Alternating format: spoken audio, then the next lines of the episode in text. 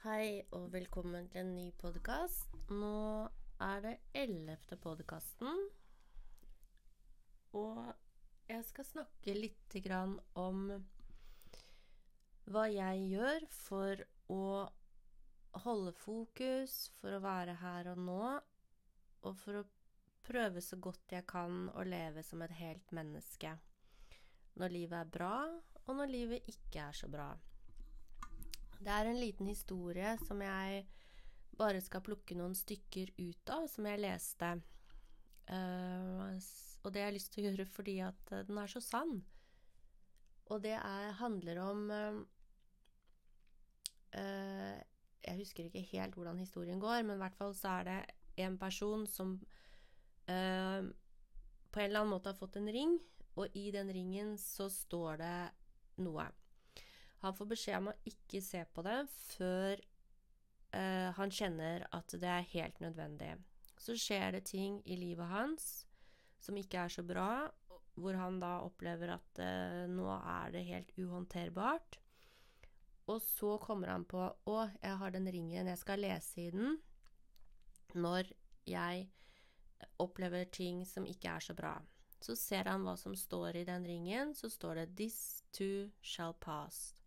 Altså, dette skal også passere. Og så finner han en ro i det, og kjenner at eh, ja, dette her kommer til å passere. Det kommer til å endre seg. Så finner han styrke i å være i det og stå i det. Og så kommer, eh, passerer jo denne hendelsen. Så lever han livets glade dager og er på en fest og er kjempelykkelig, og så kommer denne mannen bort til han som en gang ga ham denne ringen. Og så sier han, kikk i ringen. Nei, men jeg trenger jo ikke det, det er ikke noe som er uh, vanskelig, det er på en måte alt er fint. Og så sier han igjen, kikk i ringen. Og ja, hvorfor skal jeg gjøre det? Og så sier han bare gjør det, og så leser du høyt det som står der. These two shall pass. Og det er jo akkurat sånn det er. Ingenting er statisk, og ingenting er for evig. Det som er vanskelig, endrer seg, endrer struktur, endrer form.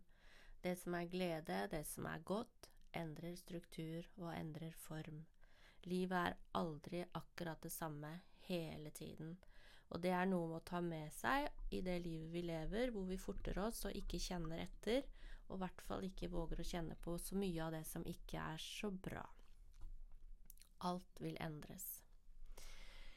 Yes, da skal jeg lese en tekst som jeg skrev eh, over jul. Det var ganske tidlig i 2020. Det var eh, ca. en måned etter at mannen min ble syk. Og vi visste ingenting om hvordan ting var. Så det er det jeg begynner denne podkasten med nå. Jeg har kalt den teksten for Nye dager. Ny dag, nytt år og nye muligheter og nye håp. Vi går over fra de første tiårene på 2000-tallet og inn i en ny fase. Vi runder over 20 år med levd liv sammen. Nå står fremtiden der med åpne armer, og jeg kjenner alle følelsene mine så sterkt at jeg vil kaste opp. Jeg kan ikke beskrive noen av dem helt tydelig. De går som en trommel fra det ene til det andre. Tårer og latter og redsel for det uvisse spinner i hverandre som en ustoppelig tornado. Men mitt ustoppelige engasjement for at vi som mennesker lever best i et her og nå og med åpent hjerte og levende følelser, får virkelig prøvd seg. For hvordan kan vi med så mye usikkerhet klare å holde oss oppe? Hvilke mekanismer er det som setter i gang? Hva er det som gjør at vi kommer oss igjennom sorg og smerte? En bevissthet om at du har kraften i deg, du har styrken til å snu enhver energi når du måtte ønske, det hjelper meg. Jeg er meg helt bevisst at jeg skal la alle følelser være levende i denne prosessen. Jeg ønsker de velkommen og gjør så godt jeg kan i å akseptere at akkurat nå velter de seg rundt og gjør meg oppmerksom på at livet er snudd opp ned. Ingenting er lenger håndfast, men i det har jeg et valg. Det å være bevisst energiskifter og at de kan påvirkes, det holder meg oppe. Det er sånn at følelsene, de sitter i kroppen vår. De setter seg fast i muskulatur og i vevet vårt, og de sniker seg inn, inn i alle cellene. For følelser, de er rett og slett ikke bare i hodet, og de snurrer eh, Ja, snurrer meg inn, eller oss, da, inn i hele systemet vårt, da, kan gi en følelse av å være helt låst i det som skjer rundt og med oss.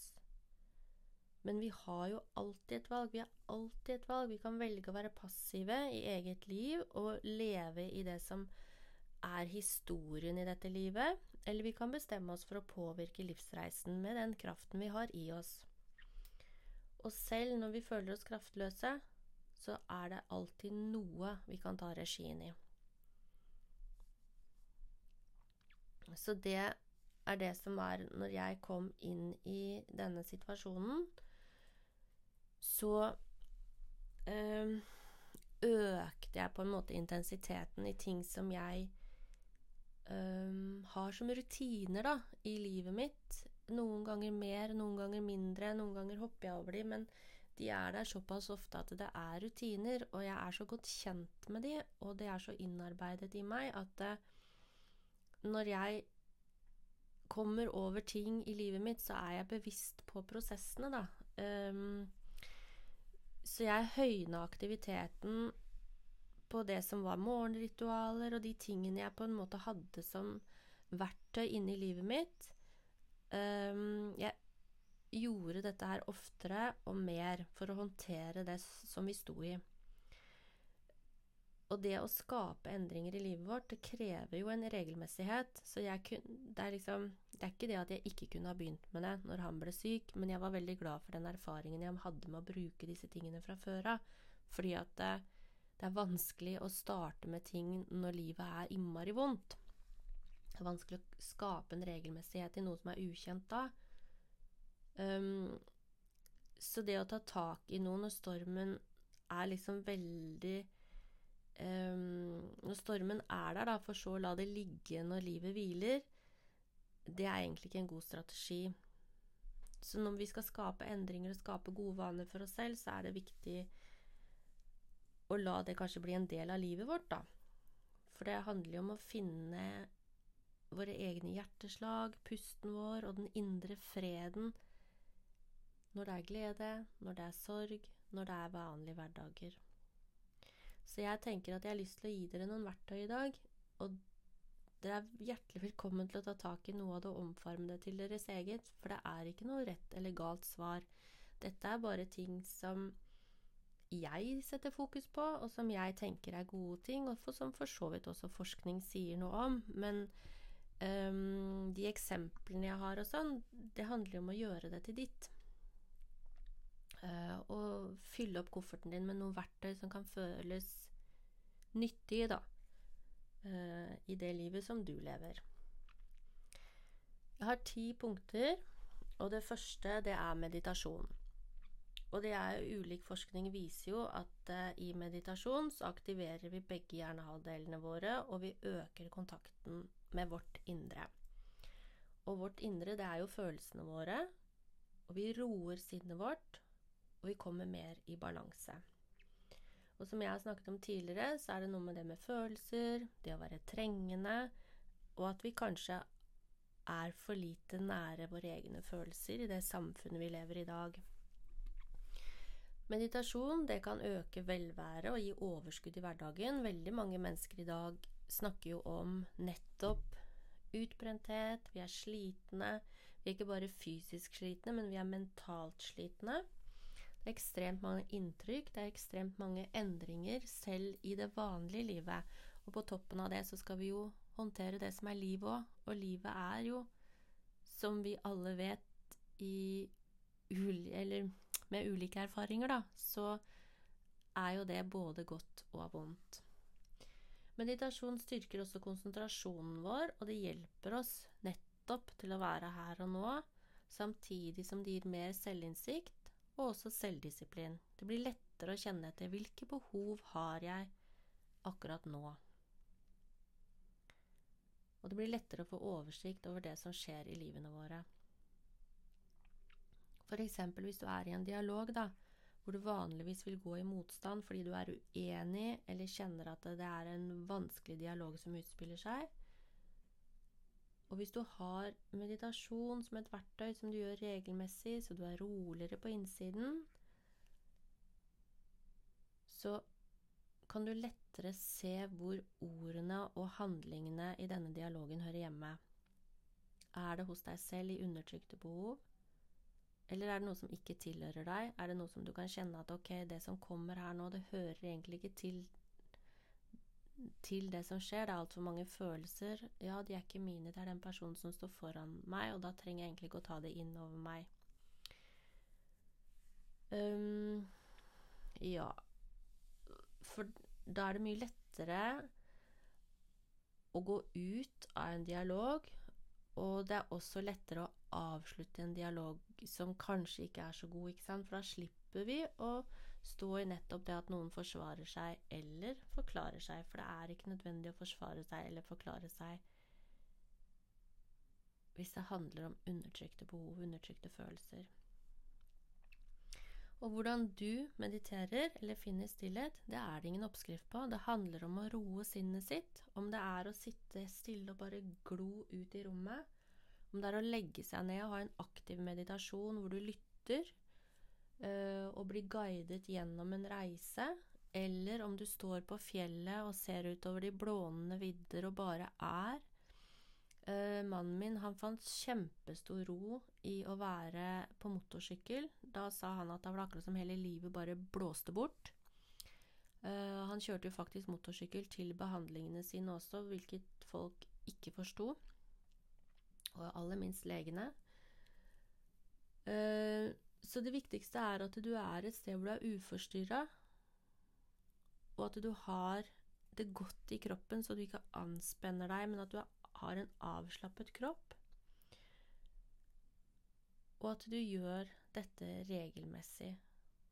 Og når du stopper opp, f.eks. hvis du er ute og går i skogen, da, ikke bare gå, ikke bare trav for å ha hurtighet og ha tempo, liksom. Stopp opp, se på et tre. Stå og se på det et kvarter, eller på himmelen noe sånt nå, og finn ro. Still sinnet.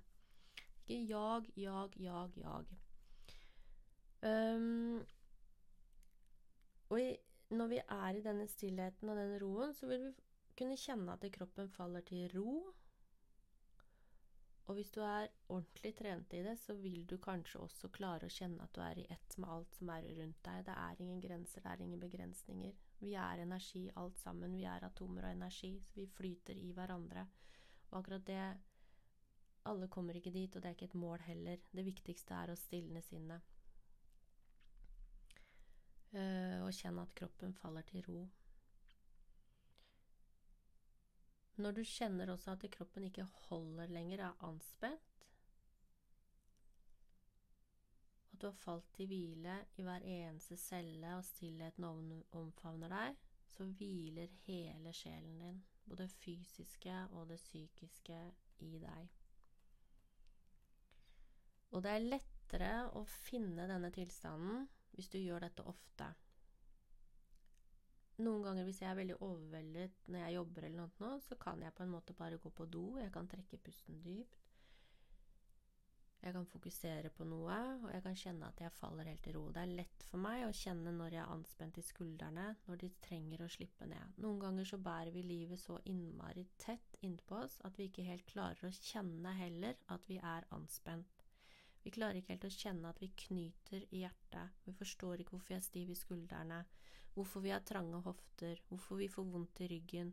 Og så bærer vi ting så dypt i oss, og har gjort det så lenge, at vi klarer ikke å se og skjønne at hvis vi slipper opp litt følelsesmessig, så vil også stramheten og smertene frigis. I hvert fall til en viss grad. Ja. Det var meditasjon. Og så har vi eh, pust. Og pusten, den er jo et eh, ja, mirakel, nesten. Det er jo det du har. Det er det eneste du ordentlig har som kan stilne hele nervesystemet ditt og hele roen din. Og det å puste, det er så viktig. Og så får vi vondt i korsryggen, og har kjempevondt i korsryggen. Så går vi til behandling.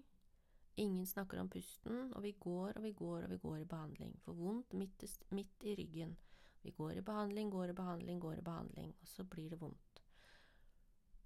Og så holder vi så tight og så stramt på alt fordi vi puster har en overfladisk pust. Vi puster ikke helt ned. Og når vi ikke puster helt ned, så blir det nederst på ribbeina. Det blir stramt helt, til, helt nederst på ribbeina og rundt hele både mage og rygg og helt opp til der hvor vi har hode og munn og nese og skal puste inn. Så det vi kan tenke, er at eh, vi puster inn glede, vi puster inn kjærlighet, vi puster inn alt som er bra, og så kan vi ha fokus på at vi puster ut det som er vondt holde fokus på det. Kan du gjøre når du ser på himmelen, når du mediterer, eller hva du nå enn gjør. For det som er, det er at i pusten, og når vi puster helt ned, så skiller vi ut avfallsstoffer, og kroppen får ny oksygen. Det betyr at kroppen ikke blir sur. pH-verdien vår, vi hjelper den til å holde seg oppe. Så hvis vi tenker på lungene våre som store plastposer med tusenvis av drueklaser i enden, så skal pusten gå helt ned i hver lille drue. For det er der oksygenutskiftningen skjer. Det er der gammel oksygen fra blodet i kroppen kommer ut til blodet i disse drueklasene, og så skjer det en utskiftning der, så det gamle oksygenet går ut, og det nye går inn. Og hvis du pusser overfladisk, da, som vi har en tendens til å gjøre under stress, så hoper det seg opp av avfallsstoffer i kroppen. Både ditt fysiske og psykiske deg blir påvirka av dette negativt. For da går du med gammel oksygen, ikke sant. Du kan tenke deg Du går på det gamle og kjører rundt og rundt. Det er ikke noe nytt. Det er ikke noe ny energi som kommer inn i cellene dine for å hjelpe de til å bære eh, oksygenet og gjøre alle den jobben de skal. For vi er helt avhengig av mye og ny oksygen inn i kroppen. Får vi ikke det, så får vi jo stivhet i systemet vårt. Og det Jeg møter så utrolig mange pårørende, og jeg har vært der sjøl, hvor kroppen har vært helt stiv. Det er liksom sånn Når man begynner å ta på, kjenne og massere litt, så bare sånn Det er helt hardt. Det kan nesten være som et panser og det er jo ikke rart, for det er jo vondt, og det er jo vanskelig, og når vi ikke har tid til å ta vare på oss sjøl, og ikke det er fokus på det, så klarer vi ikke å kjenne det, og til slutt så er det et panser. Og tenk så tungt og stramt og vondt å bære på alt dette her. Det er mye bedre å gi det slipp. Så puste helt ned, og helt hjem, og inn i smertene, og inn i hjertet, og gjerne sitte og pust helt ned til du begynner å gjespe.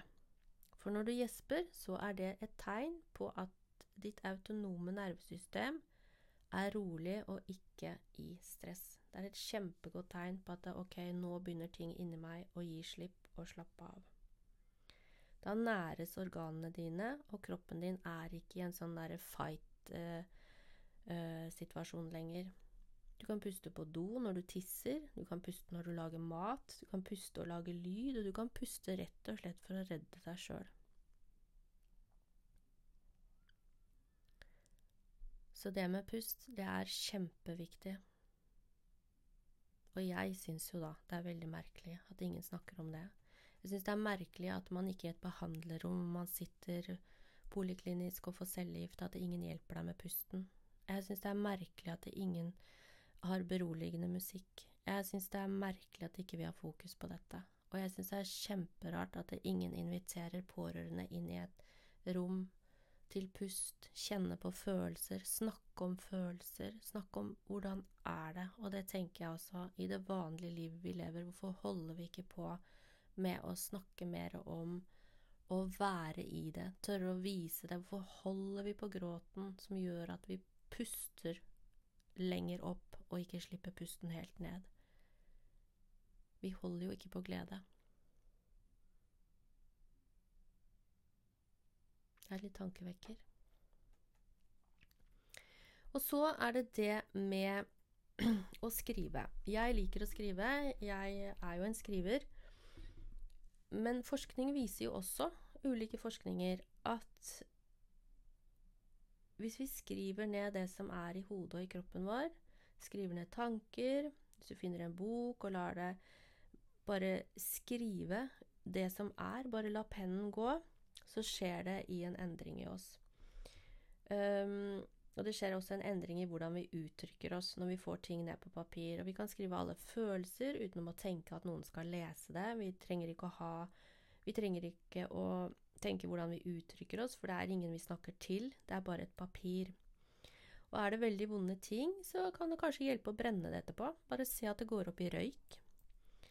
Og øvelse gjør at vi kan gå fra å skrive tre setninger til tre sider, ikke sant, utenom å tenke. Jo mer du skriver, jo mer transformerer du, altså endrer du inni deg. Og så vil du se at eh, det første du skriver, da, de første avsnittene på en måte, eller setningene, at de også vil endre form enn det som skjer i de siste. Du vil erfare at etter hvert så finner pennen de gode bildene. Så hvis du skriver helt til hjertet roer seg, kan gjerne brenne det. Veldig gjerne bare brenne det, eller rive det i biter, eller hva som helst. Så du liksom bare er ferdig med det. Du har fått det ut. Ingen trenger å lese det. Du har ikke trengt å passe på ordene du sier. Du kan være hvor slem du vil i uttrykkene dine. Du kan være så snill og kjærlighetsfull du vil i uttrykkene dine. Men da har du det på en måte fått ut litt sånn hemmelig. Det er et godt tips. Så har vi noe med takknemlighet, og gi deg selv rom for å takke for det som er i livet ditt. Det å si takk. Det er ikke så ofte vi sier takk. Takk. Tusen takk. Og faktisk kjenner det. Du kan takke inni deg, eller så kan du takke høyt. Kan gjøre det på den måten som føles naturlig for deg.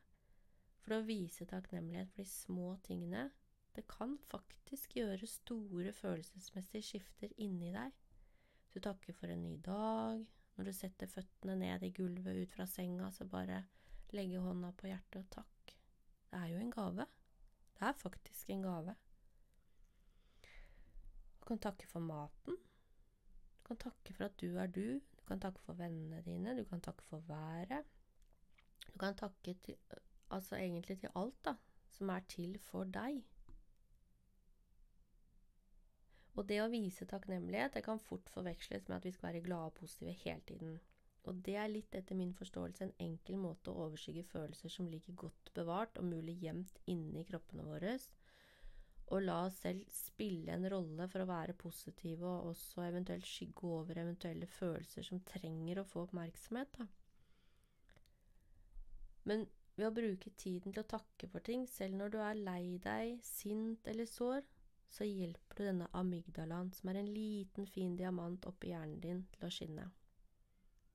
Den samler på opplevelsene som vi har i livet vårt, og har en tendens til å samle mest på det negative. Så hvis du vil hjelpe den til å skinne og snurre så hjertet får mer ro, må vi bevisst trene på å se og huske det gode, så det overstyrer amygdalas minner om vonde ting. Ikke for å glemme det vonde, men for å fortsette å se og finne det gode livet og øke livsappetitten vår. Det er en måte å gjøre det på. Det er å vise takknemlighet for nettopp livet. Selv når det gjør vondt, og det er ting som fyller vår sjel på en god måte, og det krever øvelse å vise takknemlighet. Så hvis dette ikke er noe du er vant til, så er det kanskje ganske vanskelig, for det kan hende at du ikke ser det er noe som du er glad for i livet ditt. Men du har en dyne du kanskje kan legge over deg om kvelden. Tusen takk for at jeg har en dyne. Så kan du si det da i hundre dager eller hvor lenge du vil. Tusen takk for denne dyna. Plutselig ser du at det Oi, jeg har en kaffe, en kaffekopp. Kaffen i dag. Takk for koppen min. Kanskje også har du et vindu. Tusen takk for at jeg kan åpne vinduet og frisk luft inn. Vi tenker ofte at ting er så vanskelig. Og det er ofte veldig enkelt. Følelsen i ting er gjerne det som er vanskelig, men selve hendelsen, operasjonen, hvis jeg kan si det sånn, er ikke nødvendigvis så vanskelig. Men vi trenger å øve. En gang så var bokstaver også helt uforståelige for oss, fordi vi ikke kunne lese, vi hadde ikke lært det. Så lærer vi bokstavene, så lærer vi å trekke de sammen, og så blir de ord. Sånn er det også med takknemlighet. Jeg kan godt sitte og fòre amygdalien min med om at min mann er død, det er bare trist. Men jeg har hatt mange gode år med han. Jeg har hatt mange gode opplevelser. Så hvis jeg også takker for det, så blir det i hvert fall en liten balanse i det som jeg husker på, og det som jeg minnes. Hvis du starter i det små, da, så vil du raskt se at du finner gull til hjertet ditt på de mest utrolige og uventede steder. Og det som er at det øker bevisstheten på å samle og nære sjela di på det som er godt, og dermed også så øker vi det som er positivt. For hvis vi har det vondt, så er det ikke noe lett å tenke at 'Å, jeg er så glad, jeg er så glad for livet mitt'. Og da viser vi jo ikke hensyn til smerten i kroppen, og det er også viktig. Men hvis du når du har det kjempevondt, også kan si at 'Tusen takk, jeg har en toalett jeg kan gå på når jeg må tisse'. Ikke sant? Det er vi, vi trenger ikke å flytte det til at 'nå skal jeg være så glad', men har, det er alltid noe vi kan være litt glad for. Eller ikke glad for, da, men takknemlig for. Jeg har en vannkoker jeg kan koke vann i, så jeg får en kopp te. Det er fint. Tusen takk. Så virker det ganske unaturlig å kanskje takke for det, men dette er en øvelse. En øvelse. Og hvis vi skal snakke om det å akseptere, så er det ganske mange som kan bli sinte når vi snakker om aksept, og det skjønner jeg veldig godt. For det å akseptere kan være ekstremt utfordrende, og det er ikke alltid så lett å se at vi kan være um, Snu en situasjon over til å akseptere at ok, det er greit at dette skjer. Så det er også når vonde ting dukker opp, så krever det også en øvelse i å åpne opp for selve aksepten i det. Og vi er jo litt sånn at vi liker å ha kontroll på livet. Det er jo det som er frykten i oss. At vi har en frykt, og så prøver vi å kontrollere ved å, å på en måte lage struktur i livet vårt. Og en viss struktur er fint, men det meste i livet det har vi faktisk ikke kontroll over. Og da er det ikke så veldig mange flere valg enn å akseptere det som kommer, og gjøre så godt vi kan i det vi står i. Og hvis vi går til kamp, da, så tar vi energien som vi trenger for å ivareta oss selv og de nærmeste. Og vi har en tendens til å bruke ordet kamp for å bekjempe det som er vanskelig i livet vårt. Uh, nå må du kjempe, nå må du ditt, nå må du datt. I det kjempe og kamp så ligger det på en måte også et krav. Da er det et krav til oss, det er noe vi skal mestre, det er noe vi skal gjøre. Um, og det er fint å, kjenne at vi kanskje har kontroll på ting, og at vi kan styre det og sånn, men sannheten er jo at vi har jo ikke det. Så hvis vi opplever vonde ting, samtidig skal kjempe for å ta bort smertene, ta bort det som er vanskelig, og så skal vi leve i livet samtidig, så brenner vi litt opp energien som vi trenger for å stå i det. Og det er ikke så lett å akseptere. Jeg syns ikke det var så lett å akseptere at min mann ble syk. Men hvis jeg hadde lagt all min energi for å opprettholde motstand i det, i meg selv og i det som skjedde, så hadde jeg ikke hatt energi til å være i kjærlighet for han og de rundt meg. Og det er jo litt sånn som jeg har sagt tidligere. Jeg, når jeg tenker tilbake nå, så tenker jeg jo at vi var i en kjærlighetsboble, selv om det var jo helt rett og slett jævlig. Så er det, husker jeg kjærligheten, og det var fordi jeg hadde energi til å stå i kjærligheten. Jeg gikk ikke i motstand. Jeg gikk ikke og sa 'hvorfor oss', 'hvorfor skjer dette her', 'hvorfor kreft', 'hvorfor ditt', 'hvorfor datt'? Jeg lot ikke det skje, da, og det var et bevisst valg, og det er fortsatt et bevisst valg jeg gjør hver eneste dag, for det skjedde, og hvis jeg går til kamp mot det, så blir jeg helt utslitt. Um, og når det er ting vi ikke kan holde i henda, så har vi egentlig ikke kontroll på det. Og det er ikke så mye vi kan holde i hendene våre, rett og slett. Det er mye bedre faktisk å gå på en fjelltopp, fjelltopp da. klatre høyt, bruke energi, bruke muskler. Bruke det som raser inni deg, f.eks. Så kan du skrike på toppen når du kommer frem, helt til du faller sammen og finner pusten og roen og kjærligheten og det som er inni deg. Det kan du gjøre hver dag. Du kan gjøre det 100 ganger om dagen. Hvis det er det som skal til for å finne aksept. Hvis det er det som skal til for å komme inn til kjærligheten. For i kjærlighet så er vi sterke. Vi er kjempesterke. Tenk når du er forelska.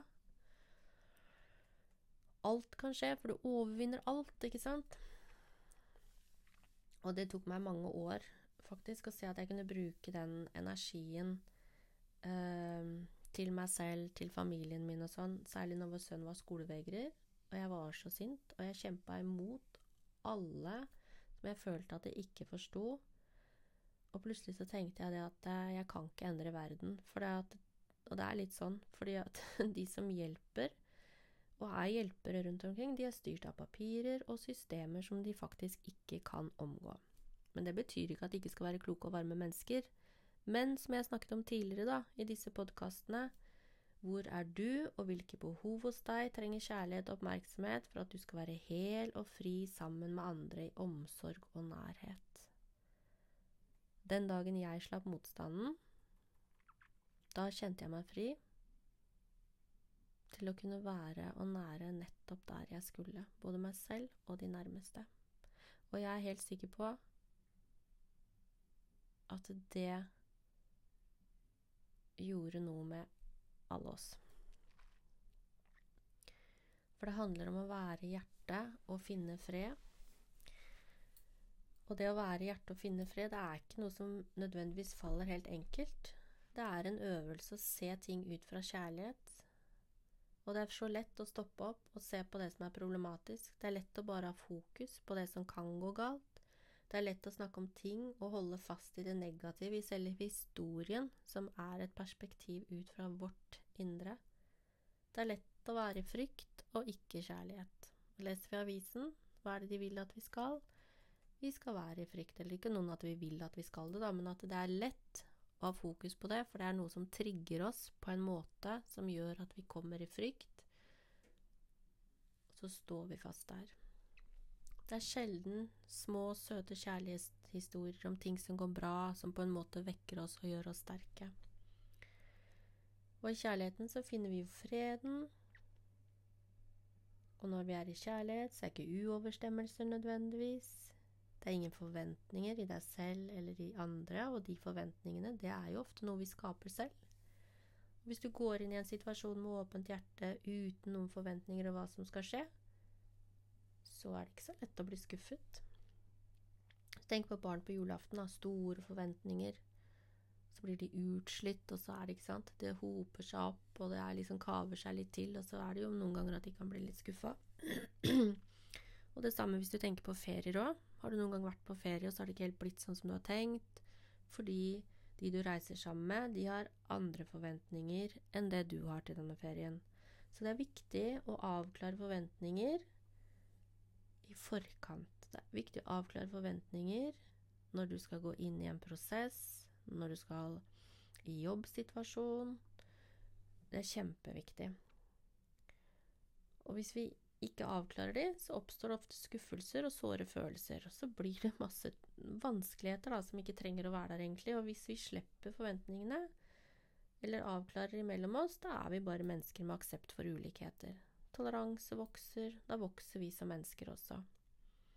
Og bærer vi på mange ubearbeida følelser, så er det vanskelig å leve fullt og helt i hjertet, og det er viktig å våge å være ærlig med seg sjøl og tørre å se hvordan har behovene mine det, og hvilke sår i sjelen søker jeg støtte og trøst i for å overleve livet mitt, når jeg er i interaksjon med andre mennesker, hva er det jeg holder på med? Og da kan det være fint å søke litt hjelp for å finne eget hjertefred. Og så snakker vi jo ofte om det med bevegelse og natur. Det å komme seg ut selv når det stritter imot, det er kjempebra både for kroppen og for sinnet vårt. Og vi trenger ikke å gå fort. Som jeg sa i stad, du kan både meditere og puste og være ute. Da gjør du tre ting på én gang. Og hvis du også da rører deg litt, så gjør du fire ting på en gang, for da er du også i bevegelse. Du kan gå sakte, fort, røre på kroppen. Det er det viktigste. Skape sirkulasjon, gi cellene oksygen og bevegelse. Og når vi har sirkulasjon, så skifter det energi. For eksempel i sorg så gjør vi jo veldig ulike ting, og vi er veldig ulike. Og det er ingenting som er riktig, og ingenting som er galt. Vi må være på den prosessen vi er i selv. Uh, I huset her så er det en av oss som har brukt idrett veldig aktivt i sorgen. Det er ikke så lett for meg, som er et ekstremt følelsesmenneske, uh, som viser følelser veldig tydelig, lever følelser, er i følelser, tør å snakke om det, tør å være. Så lett å se på at noen andre bare er i idrett og gjør det fysisk. Men det er akkurat det samme, og det er akkurat den samme måten å transformere og lage sirkulasjon i det indre. Smerten, gleden, frykten, hva det nå enn måtte være som sitter der. Og når du er ute og beveger deg, så er det fint å se på fargene, detaljene som er i naturen. Gå og se en soloppgang eller en solnedgang. Kjenne på forskjellene i frost og varme. Rett og slett ja, la deg tid til å føle og sense i naturen det er en helt egen energikilde. Det å bare være ute uten krav og uten mål. Ikke sant? Du kan gå barbeint, lene deg inntil et tre, ligge på bakken. Liker du å bade, så er det kjempefint å svømme. Ikke sant? Vannet er jo nesten som en kjærtegn rundt kroppen din hvis du bare tar deg tid til å kjenne etter. Og det vi spiser, har jo en enorm eh, kraft og virkning på oss. Det er jo eh, Det er jo mm, veldig viktig å velge gode matkilder som gir energi, og ikke bare tomme kalorier. Når vi har det vanskelig, så er det så lett å bare spise sjokolade og drikke cola, is og masse boller og ting som på en måte ikke gir noe energi til oss, men egentlig gjør sånn at kroppen må bruke ekstra mye energi på å fordøye. ikke sant? Den stjeler, maten stjeler jo også litt energi fra kroppen vår. Uh, og det gjør noe med psyken vår, og det gjør noe med utholdenheten vår. Så det å nyte maten, unne seg litt ekstra sunne, næringsrike matvarer når det er litt vanskelig eller ting står litt stille Hvis du ikke har matlyst, lag deg en smoothie, sørg for nok drikke. Legg litt sitron i vannet. Og finn gode rutiner for når du spiser, for regelmessighet er godt for mer enn bare inntak av mat. Det å skape struktur i livet, det gjør også um, en følelse av mestring og at du har litt regien på livet ditt selv. Og det er spesielt viktig når livet byr på regnværsdager. Så gi deg gjerne en rensekur, eller noe som på en måte føles godt innover i kroppen din også,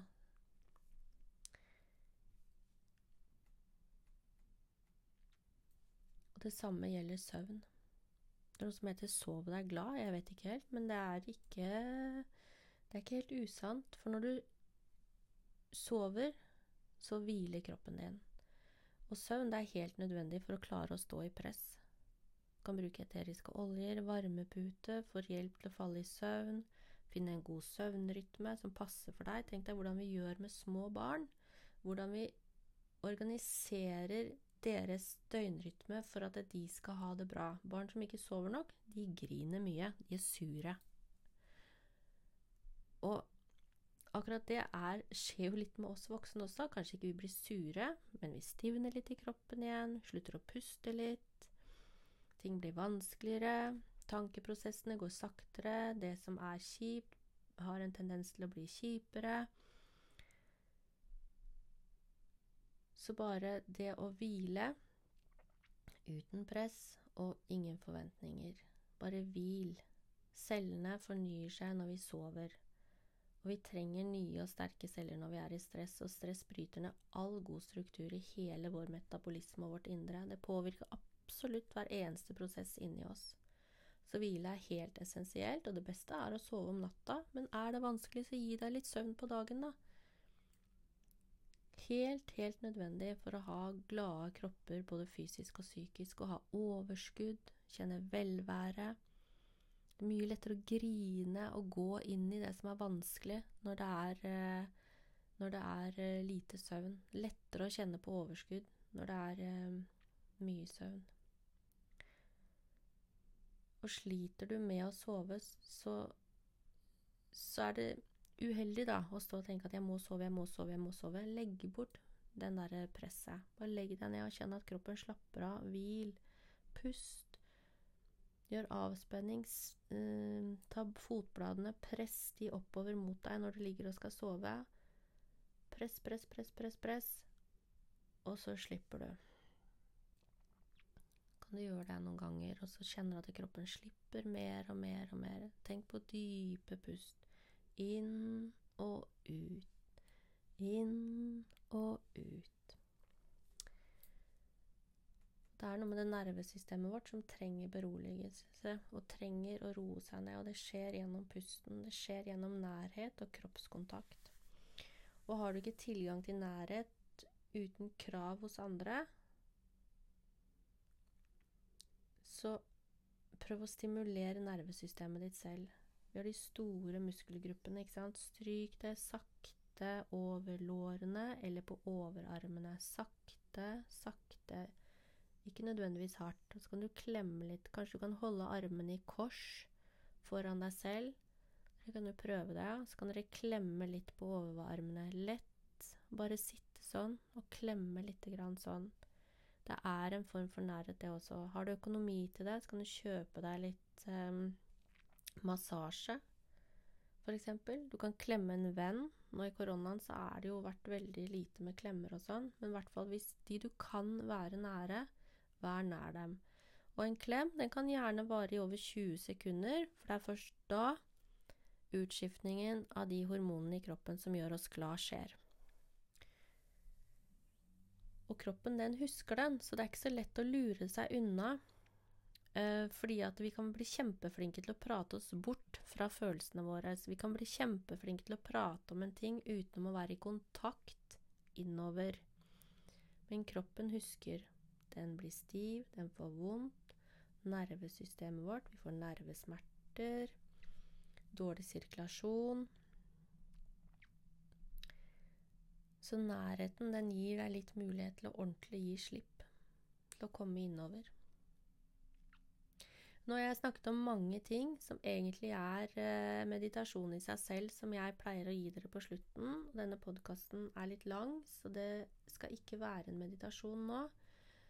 Men dere har fått mange tips, og jeg tenker at det, det å gå inn og kjenne på det Puste. Dere kan sette dere ned nå selv. Ta armene, holde de godt rundt dere. Klemme på overarmene og kjenne at dere puster godt, godt ned skal gi dere én liten pusteøvelse. Og så tenker jeg forresten jeg bare sier en ting til. Når dere sitter sånn og puster, så kan dere finne noe som er hyggelig å se på foran dere. Så er det nesten en meditasjonsstund. Eller dere kan lukke øynene og bare være og gjøre mange av disse tingene som jeg har snakket om nå, samtidig. Så er det ren meditasjon. Det trenger ikke å ta lang tid. Sett dere ned, hold foran, armene i kors, Klem litt på overarmene. Så kan dere tenke på én ting som dere er glad for, eller som eh, det er fint å ha i livet deres. Kanskje stolen dere sitter på. Kan dere Tusen takk, stol, for at jeg får den her å sitte på nå. Kan sitte her og kjenne at jeg lever. Kan holde på meg selv.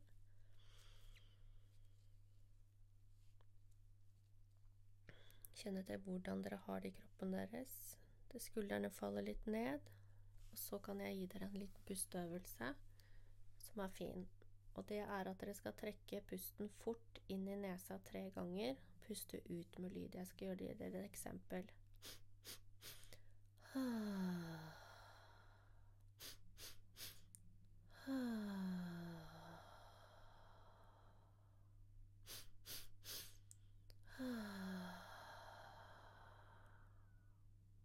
Hvis dere hørte på meg nå, så hører dere at min utpust går lenger og er dypere for hver gang.